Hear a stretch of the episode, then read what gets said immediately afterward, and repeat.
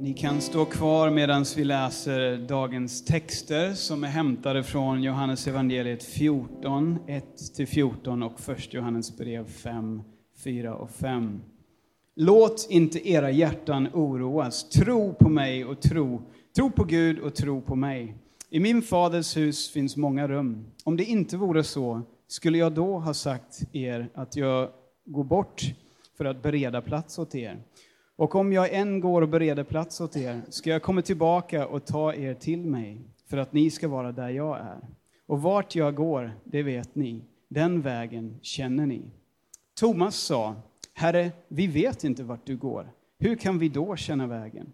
Jesus sa till honom, Jag är vägen och sanningen och livet. Ingen kommer till Fadern utom genom mig. Om ni har lärt känna mig ska ni också lära känna min fader, och härefter känner ni honom och har sett honom. Filippus sa, Herre, låt oss få se Fadern, så räcker det för oss. Jesus svarade, så länge jag har varit hos er och du har inte lärt känna mig, Filippus, den som har sett mig har sett Fadern. Hur kan du säga, låt oss se Fadern? Tror du inte att jag är i Fadern och att Fadern är i mig? De ord som jag talar till er talar jag inte av mig själv. Fadern förblir i mig och gärningarna är hans verk. Tro mig, jag är i Fadern och Fadern är i mig. Om ni inte kan tro det, så tro för gärningarnas skull. Amen, amen, säger jag er. Den som tror på mig ska utföra de gärningar som jag gör, och större än dessa ska han göra. Ty jag går till Fadern, och vad ni än ber om i mitt namn skall jag göra för att Fadern ska bli förhärligad i Sonen. Om ni ber om något i mitt namn ska jag göra det. Och först Johannes brev 5, 4 och 5. Ty allt som är fött av Gud besegrar världen, och detta är den seger som har besegrat världen, vår tro. Vem kan besegra världen utom den som tror att Jesus är Guds son? Detta är Guds ord till oss idag. Varsågod och sitt och välkommen Daniel. Tack Brad. Jag växte upp i, Mo växte upp i Motala. Är någon som har hört den här östgöten som hälsar alla välkomna den här veckan på, på, eh, ja, på något flyg? Jag har florerat på internet, det var väldigt roligt. Lyssna på den. Jag växte upp i Motala, ganska nära Göta kanal precis bredvid vårt hus så gick det en, eh, en ganska grov kraftledning. Och eh, sådär på hösten och på vintern när det blev fuktigt så kunde man höra, det var så stark spänning, eller det är så stark spänning i de här ledningarna så att det, det surrar. Eh, och eh, som liten så, eh, jag var fem år ungefär, så var, var så började det brinna i vårt hus. Och eh, det, var ingen, det blev inte jätteallvarligt, men jag, jag blev rädd. Det började brinna mitt i natten. Eh, för någon, ska inte säga vem, i familjen hade lagt eh, glödande kol i en, i en plasthink. Och det syntes inte, men, men på natten så började det brinna och det var, ja, det blev inte alls bra. Och brandkåren kom och så här, det var liksom tre på natten och vi stod ute och frös. liksom, så det, det var lite så här skärrande upplevelse. Och efter det så, så fick jag vissa, så här, fick vissa men. Till exempel så var jag alltid, jag kunde vara ute och leka med kompisar och så helt plötsligt hörde jag brandkårens sirener eller ambulans eller polis. Då vill, bara, fick jag en instinktiv längtan att bara, jag måste åka hem och kolla att mina föräldrar är okej. Okay. Så det där med, med brand, det var liksom så här, det var lite, det var lite jobbigt fram till jag var ganska liksom gammal, 12, 13, 14, 15 år. Eh, och det är klart man ska ha respekt för det. Och jag hade ju också lärt mig att, att om blixten slår ner så kan det ju börja brinna. Därför var jag väldigt glad, för jag hade också förstått att den där kraftledningen som gick bredvid vårt hus var min bästa vän när det kom till, till Oskar. För att det var typ 100% säkert att ingen, inget blixtnedslag skulle träffa vårt hus, utan skulle alltid gå in i den här kraftledningen. Så jag, jag kommer ihåg den här kraftledningen. Det var något, det var något positivt. Och när man stod och tittade upp på den här kraftledningen, och, och, och nästan vilken kraftledning som helst, vad ser du där? Du ser ju en massa fåglar där, eller hur? De sitter där. Och när jag reflekterar lite över det så kommer den här bilden, jag vet inte varför, men, men de här fåglarna som sitter där, de är ju fullständigt omedvetna om den enorma kraft och spänning som rör sig under deras fötter eller deras klor som de håller fast i. De påverkas inte. Det är ju tur att de inte tar i jorden samtidigt, för att då hade det, det hade inte varit mycket fågel kvar. Men den här spänningen som far genom de här ledningarna ju liksom till stor del av, av Motalas elförsörjning går genom de här enorma liksom, ledningarna och lyser upp staden, värmer upp hus, hjälper folk att laga mat, eh, ladda batterier. Jag inser också att eh, sa det till varandra häromdagen, tänk om de skulle, det var så här, vi bara åkte in på ett par mackar och, och helt plötsligt så gick det inte att köpa någon, någon bensin därför att eh, ja, alla de här mackarna, det var flera stycken, där man in, ja, kortterminalerna hade bara slutat fungera. Tänk om de, så, någon, någon illvillig makt utifrån vill slå ut Sverige. Det är bara att slå ut elen, slå ut internet och så slå ut eh, kanske någonting till, typ vatten. Då blir vi väldigt eh, känsliga. Det var inte det jag skulle prata om, men den här kraften som gör så mycket och är så mycket för varje stad, men, men även för, för Motala, kanske kittlar det lite grann i fötterna på de här fåglarna. Jag vet inte. De kanske tycker det är skönt. Varför ska de annars alltid sitta på dessa ledningar? De kan ju sitta någon annanstans, men, men de vill sitta på ledningar. Eh, vi ska inte prata så mycket om fåglar idag, men jag tänker att livet som troende kanske är lite som livet på en, en, en, en, en kabel eller en, liksom de här ledningarna. Frågan är ju bara om vi är medvetna om kraften som finns precis nära oss. Frågan är om vi är helt opåverkade av den här enorma kraften som Bibeln beskriver. Det ska vi tala om idag. Tro på Gud och tro på mig, säger Jesus.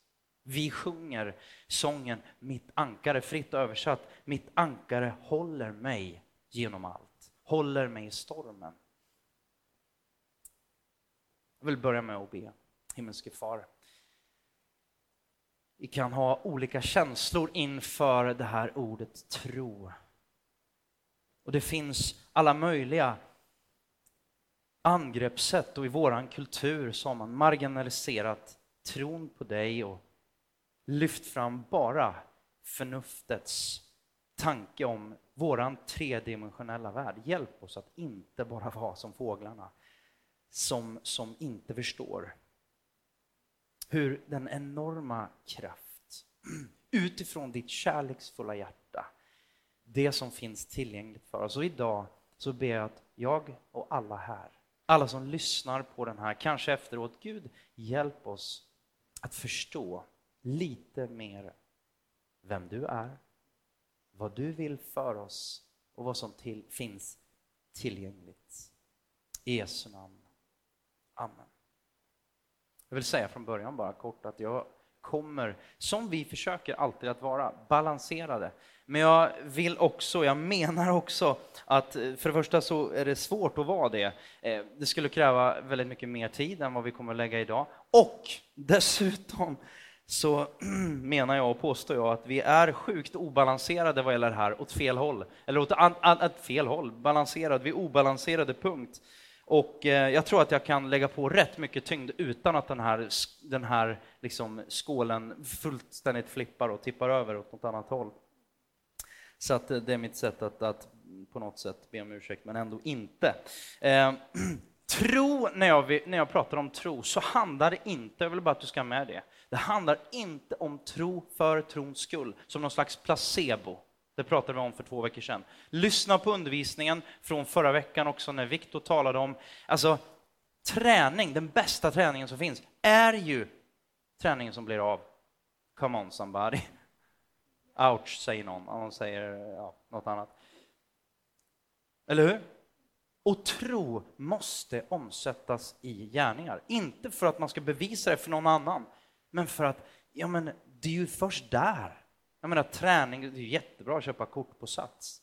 Men det är först när du går dit och tränar som det händer någonting, som det blir någon skillnad. Så är det med tro också. Första Johannes brev 4 och 4. Det är samma Johannes som skriver, som har skrivit Johannes evangeliet som Brad läste ifrån. Han läste även från första Johannesbrevet 5 då, men då står det i kapitlet innan, han som är i er. Fåglarna här nu då. I er. Han är större än han som är i världen. Vår fiende, djävulen, åklagaren, den som försöker ansätta, antasta oss och trycka ner oss. Och, och eh, I kapitlen här, innan det, som vi läste i Johannes evangeliet kapitel 14, de första 13 kapitlen, där har det skett enorma saker. Det har hänt så mycket. Och, och lärjungarna där, det börjar med att de blir draftade av Jesus. Om man ser det ur, ur lärjungar, lärjungarnas perspektiv, det har hänt så otroligt mycket. Han har bett dem att, att följa honom och, och, och han var en, en liksom den, denna tidens, eller dåtidens guru och, och, och eh, rabbin då som, som de fick haka på. Vilket inte var helt ovanligt, men de insåg nog, tror jag, både och kanske, att de inte riktigt var lämpade. De kanske inte, eller så tänkte de att ah, I'm wow, I'm awesome. Det tänkte de nog också. Men, men de inser nog under, under tiden att de är egentligen helt och hållet okvalificerade för att haka på den levande Gudens son. Ehm, de får dock ändå lära känna honom mer och mer. Han botar sjuka, han säger en massa helt ett briljanta saker, två saker som verkar förvandla människors liv. Han förvandlar vatten till vin. Han befriar människor som är plågade av onda andar. Han, med hjälp av en matkorg innehållande fem bröd och två fisk matar han tio, kanske 15 000 det står 5 000 män förutom kvinnor och barn. Det var ett helt gäng personer där och alla fick mat på grund av och med hjälp av den här matkorgen. Och precis innan vi kommer in i det här sammanhanget då i kapitel 14 så har de bevittnat när Jesus uppväcker en man, sin, en av sina bästa vänner Lazarus, från de döda. Han hade varit död i fyra dagar och helt plötsligt så är han livslevande ibland dem. Det hände bara två kapitel tidigare, tidigare och nu så är de samlade. Han har tvättat deras fötter. Och på den tiden så gick man i sandaler, man gick på grusiga, sandiga, dammiga vägar. Och det var, alltså du, du kunde inte ens be, det var liksom olagligt att be en, en, en slav att göra det. Eller det var bara slavar som gjorde det. Alltså det var, och det var inte någon, någon det var den, den lägsta av lägsta, om man tittar på den rang som de hade på den tiden. Um, men helt plötsligt så börjar, så, så de ser en massa saker hända och folk börjar följa och så händer det ändå en massa saker och de tänker bara nu, det här är på väg åt rätt håll. Problemet är att Jesus mer och mer börjar prata väldigt märkligt. Han börjar prata om att det kommer inte bli som de har tänkt. Det kommer inte bli den här, det här stora imperiet som de hade drömt om, där de dessutom skulle få sitta på hans vänstra och högra sida och styra och ställa i, i världen. Liksom så. Han börjar prata om att han ska dö. Men kom igen Jesus, kom igen nu. Det går ju så bra, sluta prata om det där. Låt oss prata om alla de här sakerna. Låt oss bota lite fler, ge lite fler människor mat, och så bara går vi åt det här hållet. Varför börjar de att frukta? Varför blev de rädda? Jesus skulle inte ha sett, sagt det här nu då, som vi läste i, eh, kapitel 14, låt inte ditt hjärta, låt inte era hjärtan oroas. Han pratar ju med sina lärjungar. Tro på Gud och tro på mig. Låt inte, alltså hade de inte börjat oroa sig, hade han ingen anledning att säga de här orden. De hade börjat oroa sig. Varför? För att de hade fortfarande inte förstått vem de hade att göra med. De var fortfarande kvar som fåglar på den här otroligt kraftiga strömkabeln eller den här ledningen. Hur många filmer har man inte sett som i omöjliga situationer ställer sig hjälten svettig och liksom det regnar och det är blixt och dunder och skotten flyger så bara You gotta trust me. Will you trust me? Och det finns liksom inga odds att lita på, men ändå gör ju alltid de det. Litar vi på att Gud är den han säger att han är? Där börjar tron. Lita på. Låt inte ditt hjärta oroas, tro på Gud och tro på mig. Vad oroar du dig för idag? Vad oroar du dig för idag? Fundera lite grann på det. Vad är det som går om, liksom, vad är det som tar, som är top of mind? Kanske är det ekonomi, utbildning, relationer. Kanske är det politiska saker. Det kan vara... Och det, det här, här håller jag med om. Här blir man ju för att inte säga schizofren, i alla fall ambivalent. Hur hanterar man de här nyheterna? Jag ska komma tillbaka till det. Men hur hanterar man de här bilderna som man får se? Som bara kommer och, och, och flyger ut. Och det blir, det, det beskär sig. Hur hanterar man det? Vad oroar du dig för idag? Vad säger texten? Om vi kort bara summerar vad de här verserna säger nu då, i Johannes kapitel 14. 1. Oroa dig inte. 2. Tro på Gud. 3. Följ Jesus, han och Fadern är ett. Han spenderar ganska mycket tid och säger bara, jag och Fadern är ett. Titta på mig så vet du hur Gud är. Typ så. Lär känna mig för då lär du känna Gud. Vi är ett. Jag är vägen, sanningen och livet. Ingen kommer till Fadern utom genom mig. Hallå, ni måste, ni måste lära känna mig, säger han. Överge inte er tro på mig. Han går vidare och säger, vi ska utföra gärningar och vidare, ännu större gärningar. Och jag tror att, tänk er, liksom, det som har hänt bara några dagar tidigare. Han har uppväckt Lazarus från de döda och så säger han så här, guess what? ni ska utföra större gärningar än det här. De bara, you gotta be kidding me. Och läser vi vidare också så ser vi att det, det där var inte riktigt självklart för dem, bara liksom, ja men kapitel 15, då är det bara yes. Nej. Det dröjer ända in Jesu död och sen 40 dagar efter det så läser vi i Apostlagärningarna att det händer en massa saker. Vi ska utföra gärningar, större gärningar och vi ska be. Och då skall vi få. Gud har gett oss sin ande. Vi, vi läser i trosbekännelsen om Gud Fadern, Gud Sonen och Gud den helige Ande. Det är inte tre gudar, det är en gudom. På engelska pratar man the Godhead, three in one. Men om vi bara tittar på det och konstaterar att utan att gå in i det så är det bara Gud har gett oss sin ande och Jesus säger här, det är bättre att jag går och jag lämnar min hjälpare. Jag lämnar den helige ande med det. Och de blir naturligtvis lärjungarna när han säger det, de blir, de blir oroliga, de blir, blir ledsna.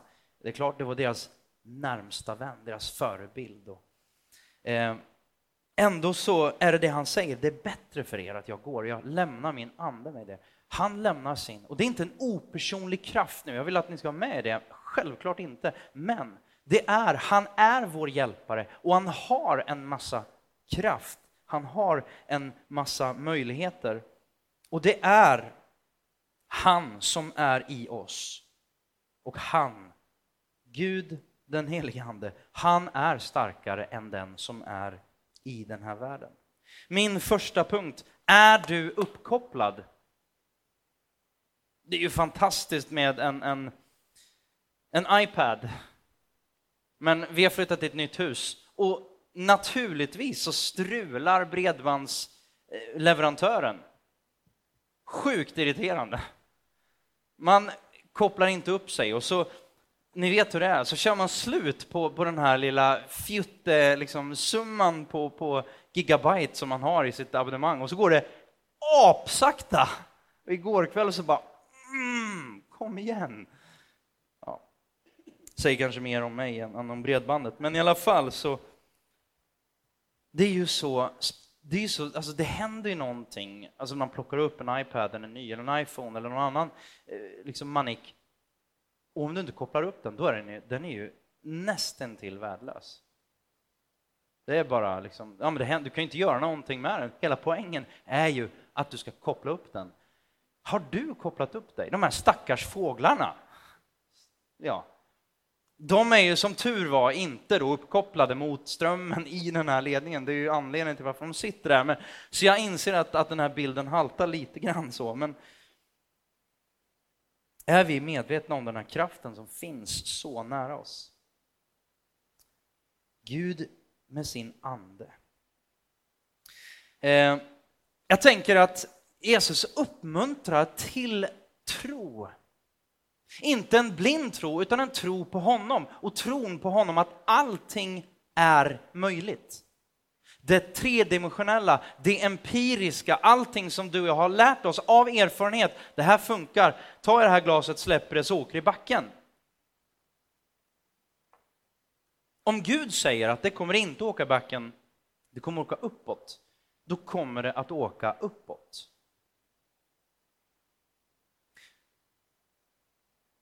Om Gud är den han säger att han är, då är också tron på honom helt avgörande.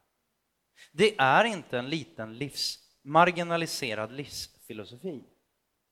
Utan det kommer att göra skillnad. Det kommer att, att påverka allt i våra liv. Och den järva tron, då tänker jag inte liksom att vi, och det här med balansen här nu då. Då tänker jag inte om att vi behöver tappa hjärnan i backen. Det handlar inte om att vi nu börjar manipulera en allsmäktig Gud. Du kommer bara göra illa dig. Det handlar inte om att komma upp på en viss hög andlig elitnivå eller eh, på något annat sätt vinna en, en, en andlig talangjakt. Det handlar inte om att tro mer på sig själv och liksom pumpa upp någon slags positiv bara känsla allmänt. Tro på tro. Däremot så tänker jag om att det handlar om att tro på att Gud verkligen är Gud. För om han verkligen är Gud, då är ju helt plötsligt att be för min pappa när han var sjuk för 11-12 år sedan, att be för honom och tro Gud om helande, då är inte det omöjligt. Att, att helt plötsligt säga då, nej men vi måste öppna våra hjärtan, men även våra plånböcker och våra hem och vår bekvämlighet, come on somebody. Då är inte det omöjligt. Och när du känner dig, precis som jag har känt mig, totalt liksom, ja men lite man får alla de här bilderna och man vet inte hur ska jag hantera det här. Jag känner inte tillräckligt mycket. Kanske jag behöver be Gud om det jag upplever som omöjligt. Gud hjälp mig att känna. Låt de här människorna beröra mig. För jag är alldeles för fast i min egen lilla, lilla egovärld. Vi pratar om huslån eller utmanande relationer på jobbet. Eller utmaningar i äktenskapet eller med barnen eller att man vill ha barn eller vill ha ett äktenskap. Man vill bli älskad av någon för man känner sig ensam. Det är ju på alla möjliga plan. Men om Gud är Gud, då kommer det göra skillnad på alla de planen. Det är det jag säger. Och Gud kallar oss till en järvhet i tron till en passion, till tro, hopp och kärlek. Om, om jag leker lite med ord, men om hoppet är den här, ja, det, det bibliska hoppet, har ni kanske hört eller funderat på någon gång det här hoppet, liksom som, om ni har hört det någon gång i Bibeln, så kanske ni någon gång har funderat på vad, vad, är, vad, vad är hopp för någonting? Är det bara ett allmänt, jag hoppas att, att, jag hoppades att Sverige skulle vinna igår mot Ryssland, men jag vet inte. Det Bibeln lyfter fram som ett hopp, det är egentligen, jag vet att jag vet att jag vet att jag vet att det som ännu inte har skett kommer att ske, för Gud har sagt att så ska det bli. Om hoppet är den här, den ska säga, längtande, vetande tron, ja då är tron, tro, hopp och kärlek, då är tron, jag tror att det är lite action. Då händer det någonting, då agerar man. Hoppet är den längtande tron och tron, liksom det ordet, då agerar man på det man hoppas på. Det är logiskt. Jag hoppas på att Linda ska säga ja. Jag gick ner på knä i snön utanför Bjärka Säby och bad om hennes hand och lovade henne evig trohet några månader senare. Jag hoppades och jag trodde, jag nästan visste, kom on, bara, att hon skulle säga ja.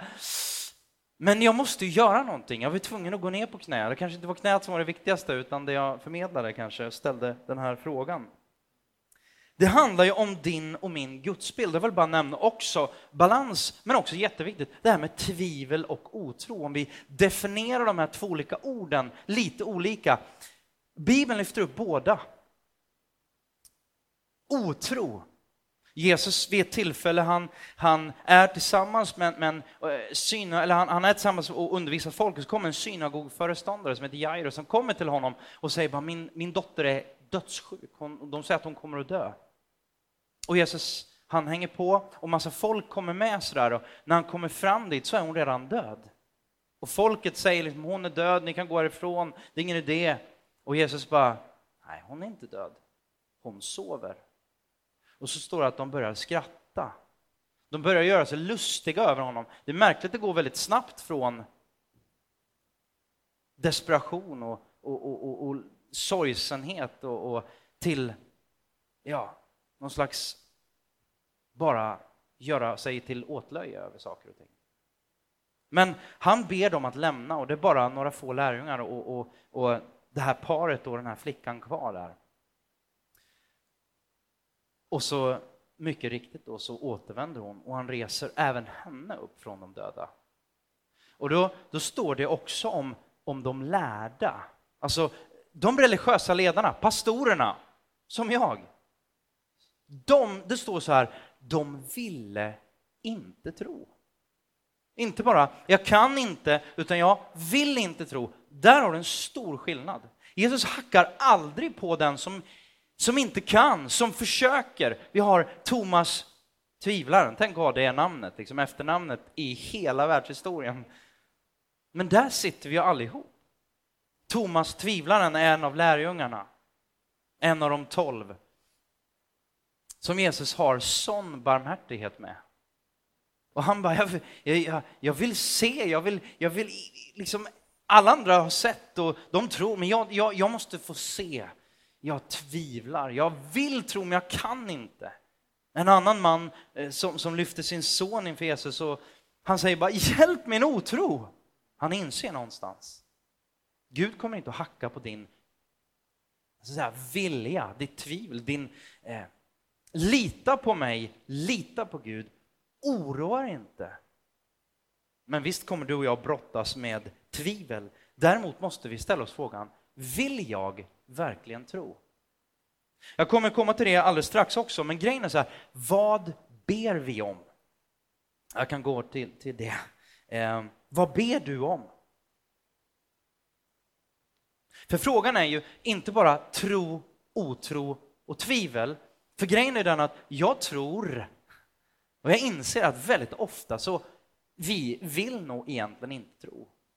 Vi vill kanske egentligen inte ha bönesvar, för vad händer om du ber Gud ge mig ett hjärta. låt mig beröras på djupet för alla de människorna som kommer till det här, till det här landet. Frågan är ju om du och jag vill det. Det är kanske en lite för farlig fråga eller bön till Gud. Hoppar tillbaka lite grann här då, men i Fesebrevet 2, 8-10. Ty av nåden är ni frälsta inom tron, inte av er själva, Guds gåva är det, inte på grund av gärningar, för att ingen ska berömma sig. Ty hans verk är vi, skapade i Kristus Jesus till goda gärningar, som Gud har förberett. Och då tänker du och jag så här, det här är ju fantastiskt, det här är ju så bra. I alla fall tänker jag så. Problemet är att vi ofta tänker så här, det här är fantastiskt, det här är bra för honom. För henne. För den. Men är det så för mig? När sist gick du verkligen på Gud har förberett goda gärningar. Han har förberett möten med människor idag. Han har förberett olika saker, ett jobb. Det kanske är ett jobb som jag tycker att jag är överkvalificerad för. Men Gud vill ha dig där, därför du behöver möta personer, eller mö personer behöver möta dig. Du har en uppgift. Jag tänker att de här gärningarna, de här ögonblicken som Gud vill att du ska stanna upp. Är det okej okay att vi pratar lite på det här sättet? Är som dörrar vi går förbi. Det är som fönster som vi går förbi, som står lite på glänt. En dörr som Gud precis har låst upp. Du kanske har gått förbi den dörren hur många gånger som helst, men just den där tisdagsmorgonen, när du är lite för sen till jobbet redan, då har Gud låst upp den dörren. Frågan är, kommer du att stanna till? Kommer du att öppna den dörren. Kanske den stora frågan, kommer du våga, vilja gå igenom den dörren? Prata med den här människan, göra det här som kanske bara, nej men det är lite out of sync. Om vi tror att Gud är den han säger att han är, då kommer ju det här att ske. Möjligheter öppnar sig. Jag vet nog med mig att en del gånger har den där dörren varit upplåst. Kanske till och med att Gud har öppnat den på, på glänt, kanske till och med ibland på vid gavel. Men jag har så bråttom och det är så viktigt det jag ska göra, det jag ska vidare till, att jag missar den där dörren, den där människan.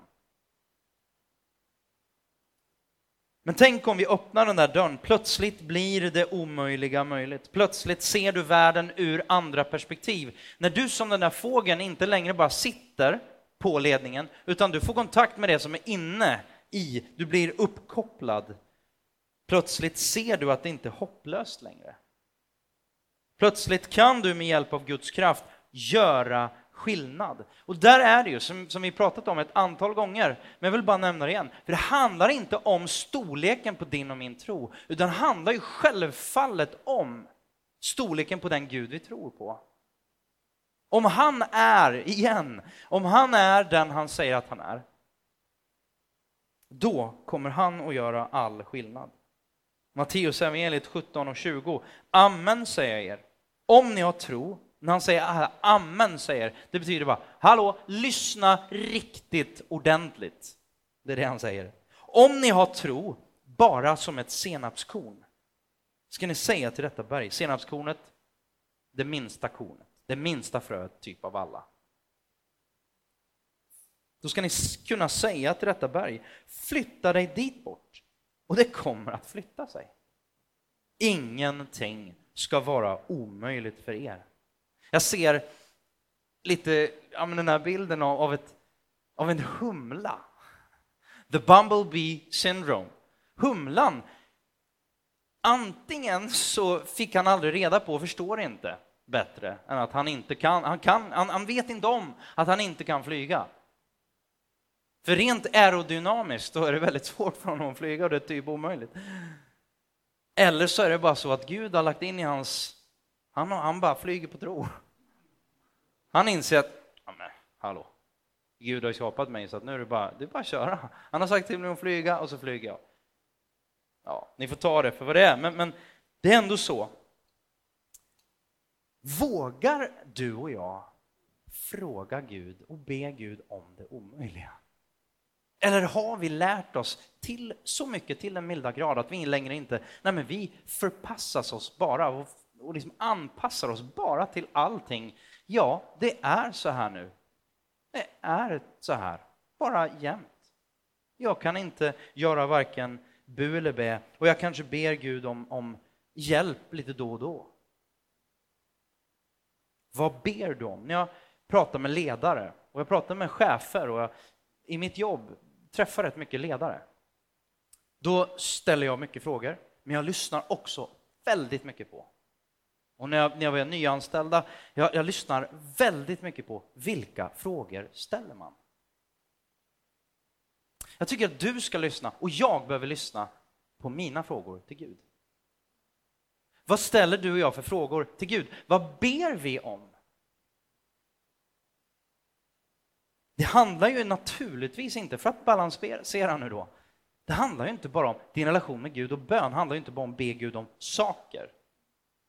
Det är en relation, man umgås. Men det handlar väl om att lära känna Gud och vem han är. Man kan hitta minst 129 olika attribut om Gud i Bibeln. Gud är större än alla kan förstå. Han är allsmäktig, allsvetande, han är allestädes närvarande. Han är tröstaren, den helige. Han är försörjaren, han är skaparen, han är läkaren. Det finns en massa, massa, massa attribut som på något sätt beskriver Gud. Och jag vill bara kort ta er med till Colombia, till Bogotá. En stor stad i Sydamerika. Jag har varit där ett antal gånger och hälsat på. Jag har haft förmånen att få möta en massa trossyskon, bara för att jag pratar om tro här nu. Syskon i tro. Vi tror på samma Gud. Och, eh,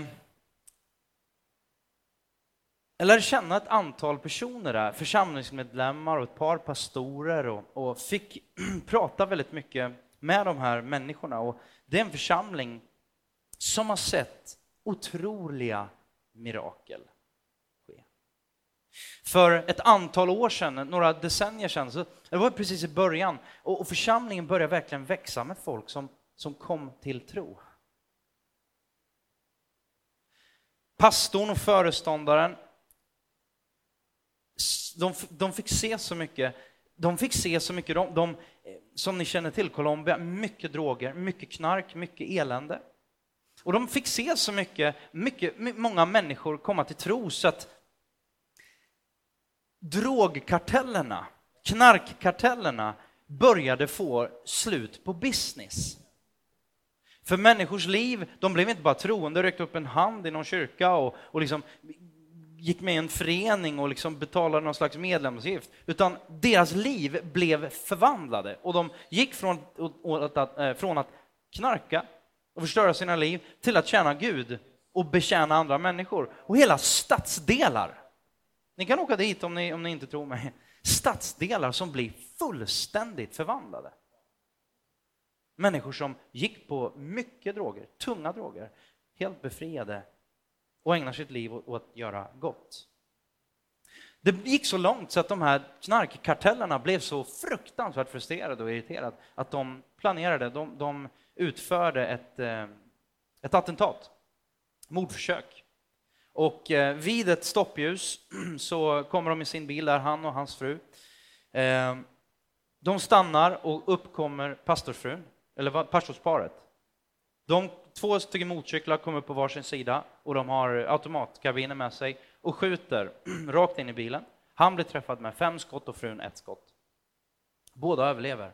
Han berättar också, när han såg det här hända så sätter han upp, han sätter upp armarna så här och han har precis fått en klocka Naturligtvis, det är alla de där storiesarna. Liksom, så här. Han har precis fått en klocka, han satte upp så här och det var att en av skotten tog i klockan och gick ut genom armen eller sidan på, på honom istället för rakt. Och de tror att den hade gått, för han hade ju liksom så hade ganska stor risk att den hade gått rakt igenom hjärtat. då. det hände massa saker. De berättar om att, att de tyckte naturligtvis inte om, men det var, det var massa elände och massa sexklubbar, hur mycket droger som helst, massa trafficking, flickor som, som såldes som slavar och så vidare. Och så vidare. Och de, de gick tillsammans och de tänker så här, vad ska vi göra? Jo, men vi ber. Vi fastar och vi berättar om Jesus så mycket vi kan. Och de stängde ner. De, kunde, de, kunde, de riktade in sig och stängde ner. Med hjälp av bön. Stängde ner knarkkarteller. De stängde ner porrklubbar. De stängde ner trafficking-led. Liksom. Varför säger jag det här? Jo, men jag tror att du behöver höra det. För du och jag, behöver, vi behöver skakas om lite grann, för du och jag lever i Sverige. Och i Sverige så tänker vi och tycker vi att ja, men om alla, och nu ska du inte blanda ihop någonting, jag ska säga, nu om alla kommer hit och blir som vi, då blir det bra. Kära vänner, vi sitter på enormt höga hästar. Alla, jag vill bara mark my words, alla som kommer som utsatta i United står för alla välkomna hit. De som flyr från krig, alla är välkomna hit. Men vi ska inte lura oss och tro att allt är the shit här. Vi är så fattiga. Vi tror på oss själva mest. Jag är min egen lyckas smed. Det är inte vad Bibeln säger. Bibeln säger tro på Gud och tro på mig. Då kommer ditt liv göra en skillnad. Vad ställer du och jag för frågor? Bönesvar. Tror vi på bönesvar? Jag bara sitter där och tänker så här, nej, vi har pratat alldeles för lite om bönesvar, alldeles för lite om tro, alldeles för lite om en levande Gud som gör skillnad. Jag tror inte på bara en intellektuell kyrka. Jag tror heller inte på en inintellektuell eller en ointellektuell kyrka. Jag tror på både och. Jag tror på både en karismatisk och akademisk kyrka. Förlåt, jag bara tycker att det... Vad behöver du och jag se i Sverige? I den här kyrkan, den här kyrkan finns inte till bara för, du både och här nu då, inte bara för dig och för mig. Kanske du och jag tänker, går omkring och tänker, nej men jag har ju nog med mitt. Vet du, riktigt ärligt, jag känner bara, just nu så kan jag känna till, till vardags, jag fixar inte ens liksom det som, som finns i mitt schema just nu. Så kan jag känna. Men jag inser också att ja, men så har det nog varit de senaste 15 åren, eller förmodligen sedan jag föddes. För jag är ju bara helt crazy. Men, och jag, jag lyfter inte upp att, att vara dum och att ha för mycket att göra. Jag predikade för mig själv och för er för ett, eh, ja, några månader sedan om vila och sabbat. Där är jag en stor syndare. Så jag, eh, det är inget jag premierar och lyfter upp och tycker är bra. Och, och, men jag tror att det finns saker vi kan göra som inte är möjliga. Och jag tror att vi kommer göra skillnad. Låt mig bara få landa, jag vet att det har gått, nu är tiden slut. Gud har inga fysiska begränsningar. Gud kan ge fysisk hälsa och psykisk hälsa. Men jag vill bara lyfta upp den sidan av tron som är lite kärv. Och jag vill lyfta upp den med hjälp av, jag vet, eh, min gode vän, bara beskriva min gode vän Mika Jorikivi. Han är ungdomspastor sedan 15 år tillbaka i Motala pingstkyrka, där jag bland annat fanns som barn. När han var 17 år så körde han motorcykel. Fram till han var 17 var han duktig motocrossförare. Eh, lite så up and coming. Och en vanlig torsdag, tror jag det var, övning, vanlig övning, som han, han har kört den där banan tusen gånger. Så kommer han på ett platåhopp, han gör hoppet och så ger han motorcykeln lite för hård knyck. Som han hade gjort så många gånger tidigare. Alldeles för hårt. Men någonting går fel den här gången. Så han gör inte bara en, en, en volt och en kullerbytta och landar någonstans, utan han landar rakt på huvudet. Hans nacke går sönder, går av. Eh, mellan tredje och fjärde ryggkotan så är hans liksom, ja, sen nervtrådarna är skadade och, och, och, inte verksamma helt enkelt, mellan tredje och fjärde ryggkotan. Det tog ungefär sex månader så var han, han, kom han ut ur sjukhuset och han hade fått veta väldigt tidigt att eh, du kommer aldrig, aldrig kunna gå igen. Han har, det enda han har nedanför halsen är 30 procent av biceps, två muskler. Så han kan göra den här rörelsen, that's it. Han kan styra en bil faktiskt, han har en joystick. Och det han bestämmer sig för att göra, när ilskan och sorgen och allt det har lagt sig, och det, han berättade att det gjorde det ganska snabbt, så får han en, en ganska ansenlig summa pengar i försäkring. Han tar hela den summan och så säger han så här, det här kan jag göra någonting gott med. Och så startar han ett barnhem i Thailand. När jag har suttit med honom och bett med honom och tänkt att Gud, han har gjort så mycket gott. För mig så är han en troshjälte. Han har gjort så mycket gott. Gud, hela honom. Och så har jag bett. Jag har fastat, jag har, vi var uppe på nätterna.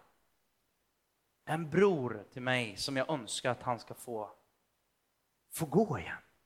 Jag vet att han var, han, han var fantastiskt vig och liksom otroligt, eh, ja, på alla sätt. Men efter de här bönerna, flera gånger har han sagt, han har lagt handen på mig och så har han sagt så här, vet du vad? Gud vill nog ha mig här, precis där jag är. För jag skulle inte nå de här människorna som jag idag når. Vet du, det är tro. Det är en tro som går över dina och mina omständigheter, kära vänner. Det är ju inte det att vi inte ska tro, att Gud inte vill att vi ska tro Gud om helande. Och för Gud så är det så enkelt. Men det är inte alltid enkelt för oss att ta Guds nej. Eller Guds inte så som du vill, utan så som jag vill.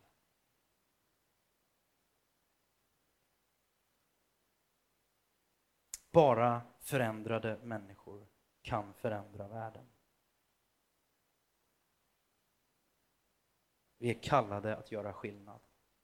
Efesierbrevet 2.10 igen. Till hans verk är vi skapade i Kristus Jesus till goda gärningar som Gud har förberett så att vi ska vandra i dem.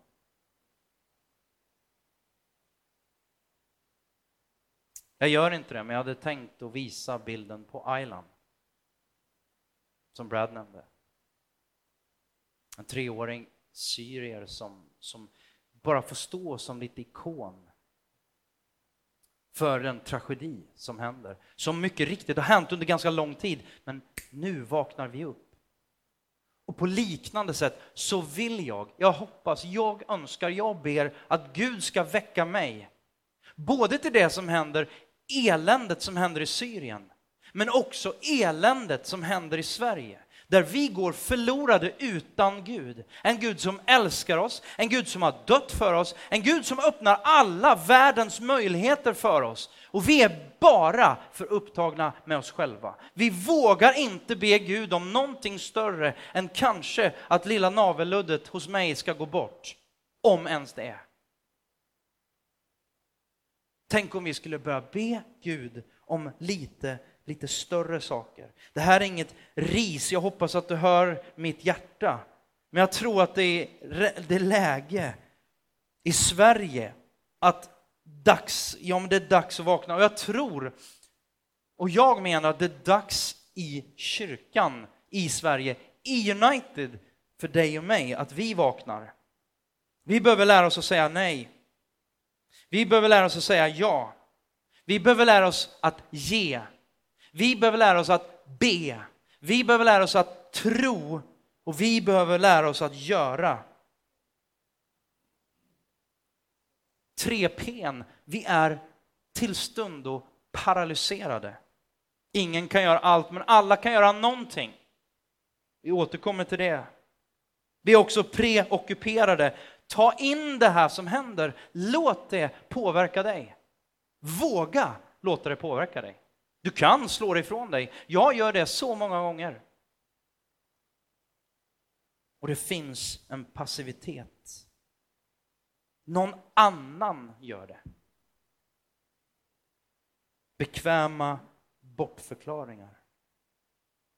En tro som övervinner världen är en tro som inte ger upp.